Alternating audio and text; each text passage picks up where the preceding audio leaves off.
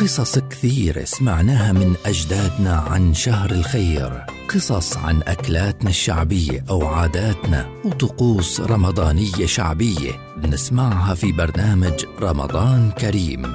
رمضان كريم برنامج رمضاني يصحبنا فيه الحكوات حمز العقرباوي خلال شهر رمضان في مثل هذا الموعد عبر أجيال.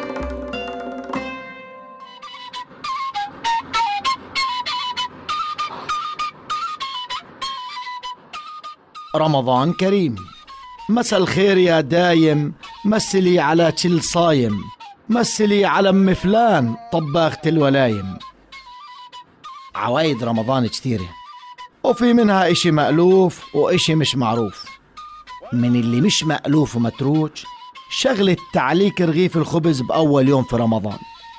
هذا يا سيدي عمر السامعين طول بكت العادة زمان أنه بأول يوم برمضان يخبزن هالحجات خبز طابون. ورغيف المعدلات ذراع ونص مثل ما هو معروف. وتقوم الحجة تعلق رغيف الخبز بصدر البيت على الحيط.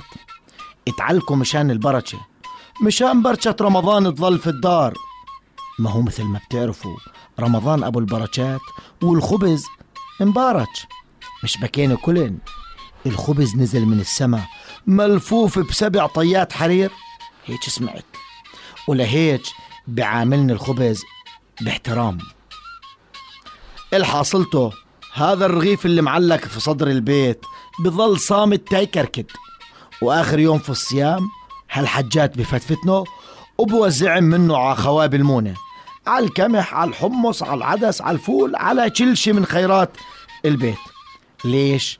عشان البركة تظل في المونة ما بعد رمضان. والبركة من رب العالمين. ورمضان كريم.